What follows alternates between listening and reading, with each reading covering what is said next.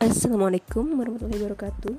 Kembali lagi ke audiobook Skripsi Undercover Yang ditulis oleh Agus M. Irham.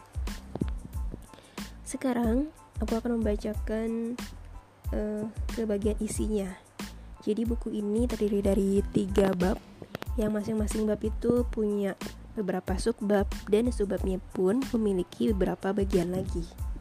Jadi di podcast ini aku akan membacakan membacakan bagian pertama dari sub bab pertama dari bab pertama.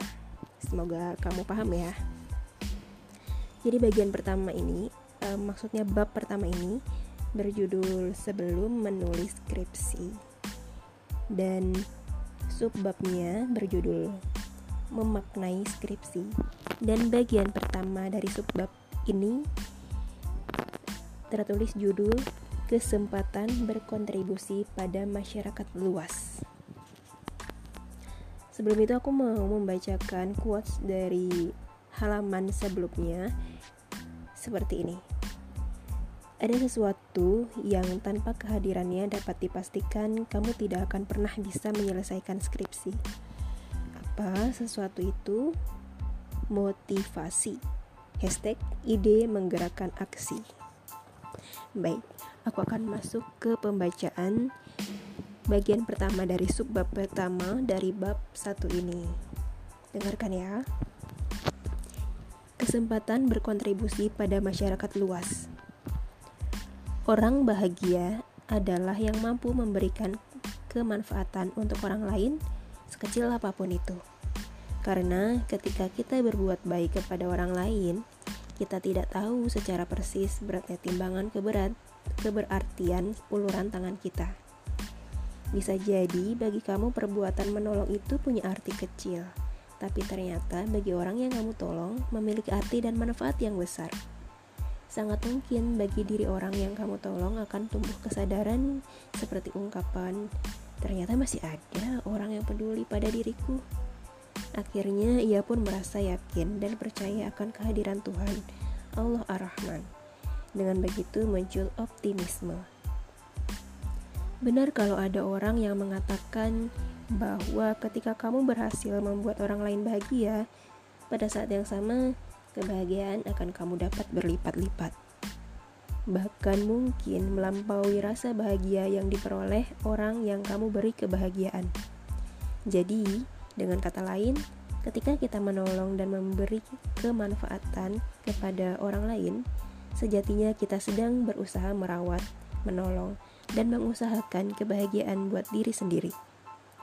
Untuk itu, sebenarnya tidak ada celah atau alasan sedikit pun buat kita untuk tak peduli dengan orang lain. Saya ada sedikit cerita menarik dan mengharukan berkaitan dengan kebahagiaan yang berlipat-lipat ketika menolong orang lain. Jika jika kamu berada di posisi seperti saya saat itu dan dihadapkan pada kondisi yang sama, saya yakin kamu akan melakukan hal yang sama, persis seperti yang saya lakukan.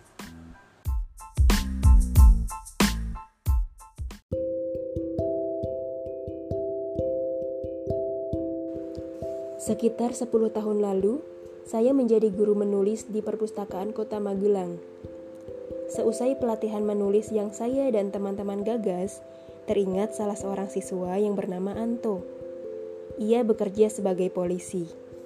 Waktu itu dalam rangka memperingati HUT Bayangkara, ia menulis tentang prestasi Polri yang berkait dengan keberhasilan Polri menangkap pelaku terorisme. Menurut kami, Tulisannya yang dari sisi kualitas dan pencapaian rasa bahasa masih tergolong tanda kutip sederhana. Namun nasib baik tak dapat disangka. Tulisan itu dimuat oleh koran Suara Merdeka, salah satu koran terbesar di Jawa Tengah. Malam di hari ketika artikel itu dimuat, saya di SMS berisi rasa terima kasih dan mengabarkan bahwa artikelnya dimuat. Saya turut bahagia mempunyai murid yang sudah berhasil menembus media. Ternyata ada manfaatnya juga saya memberikan pelatihan, ucap saya membatin. SMS itu saya balas dengan SMS pula yang isinya kurang lebih seperti ini. Anto mempunyai positioning yang cukup kuat. Jumlah polisi yang mau menulis di koran masih bisa dihitung dengan jari. Jadi menulislah terus. Kemungkinan dimuatnya sangat tinggi. Soal berlipat gandanya kebahagiaan ketika memberi sesuatu pada orang lain tidak hanya berhenti di situ saja ada yang lebih mengharukan dan mengaduk-aduk isi terdalam perasaan saya. Masih tentang murid saya, Anto yang polisi itu. Singkat cerita, setelah agak akrab dan sering mengobrol, saya baru tahu kalau ia sudah menikah 9 tahun tapi belum dikaruniai anak. Dan ujung dari usahanya selama 9 tahun berusaha mempunyai momongan adalah ruang operasi. Kandungan istrinya harus diangkat lantaran kena tumor atau kanker. Harapan memiliki buah hati pun pupus. Mendengar cerita itu, saya terenyuh. Saya tidak bisa berkata apa-apa, speechless. Sebentar kemudian, saya berucap, menyarankan agar ia menuliskan pengalaman pahit itu. Semangat yang hendak dibangun adalah memberikan advokasi kepada pasangan hidup lainnya yang sama-sama belum dikaruniai buah hati, terutama untuk para istri. Sedangkan untuk para suami, tulisan itu bisa menjadi bentuk empati sekaligus ajakan untuk tetap berlapang dada, meyakini bahwa ketentuan Allah untuk hambanya adalah yang terbaik. Belakangan, ia mengaku ke mana pun membawa black note dan pulpen. Sorry, block note ya. Block note dan pulpen. Jadi ketika antri atau menunggu saat mengantar istrinya, ia bisa leluasa membuahkan ide-ide penting yang berkelebatan di kepalanya. Saat itu, itulah rekomendasi saya. Kalau tulisan itu sudah jadi, saya sarankan segera dikirim ke majalah Umi. Sebelum dikirim, ia sempatkan mengirimkan tulisannya ke email saya. Ia meminta saya membaca dan mengoreksinya. Saya pun memberikan sedikit saja sentuhan revisi, lantas mengirim kembali padanya sekaligus memberikan alamat redaksi majalah Umi dan informasi tentang teknis pengiriman. Sekitar 2-3 pekan kemudian, Anto mengabari bahwa tulisannya telah dimuat. Tak kuasa, saya menahan haru dan gembira. Hingga pagi harinya, saya langsung membeli edisi majalah Umi yang memuat tulisan Anto. Berikut adalah tulisan Anto dalam versi sebelum diedit oleh redaksi majalah Umi. Ketika rahim istriku diangkat oleh Anto Rusdi bahwa Allah memilih dengan tidak iseng itu 100% saya yakin seyakin-yakinnya. Tapi ketika pilihan itu jatuh kepada kami, saya dan istri, menjadi pasangan cinta yang tidak membuahkan, ingin rasanya kami tertidur saja. Tidur yang sangat panjang dan bangun di saat malaikat Israfil meniup trompet untuk kedua kalinya. Sudah sembilan tahun usia pernikahan kami, dan sepertinya Allah menghendaki kami untuk terus berpacaran.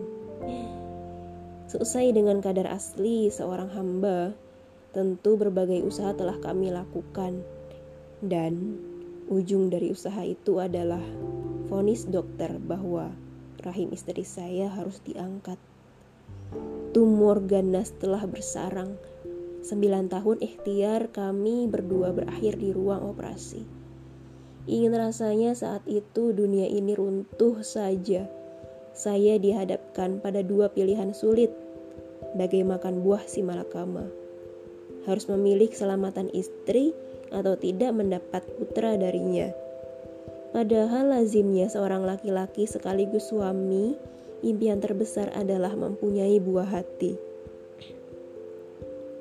Sekuat daya saya paksa diri ini untuk berkaca dan bertanya, apakah ini teguran, ujian, atau azab? saya terus mencoba belajar memahami makna ayat-ayat firman-Nya. Barangkali saya memang pantas diazab karena dosa-dosa saya yang telah demikian banyak. Sebanyak buih di tujuh samudera, lebih bahkan saya pantas dihukum karena telah lama lelap melupakannya. Istri berusaha tabah, namun raut kekecewaan tetap tak dapat ia hilangkan. Harapan memberikan hadiah terindah kepada suami pupus sudah. Ibarat sebuah perjalanan, bahtera rumah tangga yang kami bangun tengah menghadapi gelombang besar. Gejolak hati sempat berkata, kalau saya berhak memilih. Saya punya hak untuk memiliki generasi penerus keturunan dari darah daging saya sendiri aturan-aturan hukum memberi peluang untuk menunaikan hasrat saya. Ya, dalam kurung poligami. Tapi semakin banyak saya memperoleh dalih yang membenarkan poligami, pada detik yang sama saya sering dirundung rasa bersalah dan tak tega. Kerap kali saya bertanya, manusia macam apa saya ini? menjadi sedemikian pongah hanya karena ingin disebut ayah. Tega menambah beban derita seorang wanita lemah. Makhluk indah yang mestinya saya sayangi. Karena kalaulah boleh memilih, tentu ia tidak ingin tumor ganas merenggut rahimnya. Sentuhan cinta, perhatian, pompaan optimisme dari orang-orang terkasih membuat kami masih mampu tegak berdiri. Dorongan sahabat-sahabat karib menguatkan kami untuk tetap bertahan mengarungi mahligai hidup. Belajar berjuang, menerima kenyataan. Dan bukankah tujuan pernikahan bukan semata-mata untuk memperoleh keturunan, tapi lebih dari itu adalah demi mendapatkan ketenteraman, cinta, dan kasih. Dalam Quran surat Ar-Rum ayat 21 dan di antara tanda-tanda kekuasaannya ialah dia menciptakan untukmu istri-istri dari jenismu sendiri supaya kamu cenderung dan merasa tentram kepadanya dan menjadikannya di antaramu rasa kasih dan sayang. Sesungguhnya pada yang demikian itu benar-benar terdapat tanda-tanda bagi kaum yang berpikir. Quran Surat Ar-Rum ayat 21 setelah berislam selama lebih dari 34 tahun lamanya, untuk pertama kalinya saya dipaksa untuk mengucapkan dua kalimat syahadat. Syahadat yang berat, syahadat yang menuntut keberanian untuk berserah dan yakin bahwa ketentuan Allah pada hambanya adalah yang terbaik.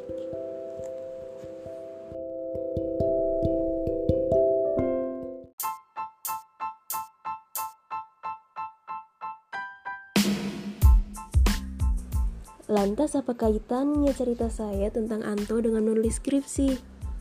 Kaitannya dengan menulis skripsi, gunakan spirit advokasi dan empati itu ketika kamu menulis. Posisikan skripsi kamu sebagai bentuk advokasi terhadap masyarakat umum jika tema skripsi yang diangkat menyangkut kebijakan pemerintah. Advokasi terhadap kaum buruh jika tema skripsi yang diangkat berkaitan dengan upah di dunia industri. Namun, jangan lantas tak memosisikan diri dari segi pemerintah atau industri. Libatkan juga diri kamu sebagai bentuk empati terhadap kepusingan mereka. Menulis skripsi adalah bagian dari mengambil sebagian kecil tanggung jawab dalam membantu masyarakat. Untuk itu, kamu harus berani terpenjara. Terpenjara bagaimana? Bersabar. Berjarak untuk tidak menikmati hidup dulu sebelum golongan masyarakat lainnya, terutama golongan bawah, menikmati kesejahteraan hidup. Menulis skripsi adalah kesempatan untuk memberikan solusi atas problem kemasyarakatan yang terus menelekung. Baik itu berkait dengan kinerja perusahaan, institusi biro birokrasi, maupun temuan-temuan baru di dunia teknologi informasi. Menulis skripsi dapat dimaknai sebagai jihad kecil kamu dalam memperjuangkan kebaikan dan perbaikan. Jihad artinya melakukan sesuatu dengan sungguh-sungguh kan? Jadi harus ada potensi kesungguhan. Maka dari itu, malas sebenarnya adalah lawan dari jihad. Dan itu dilarang dalam semua agama, apalagi Islam.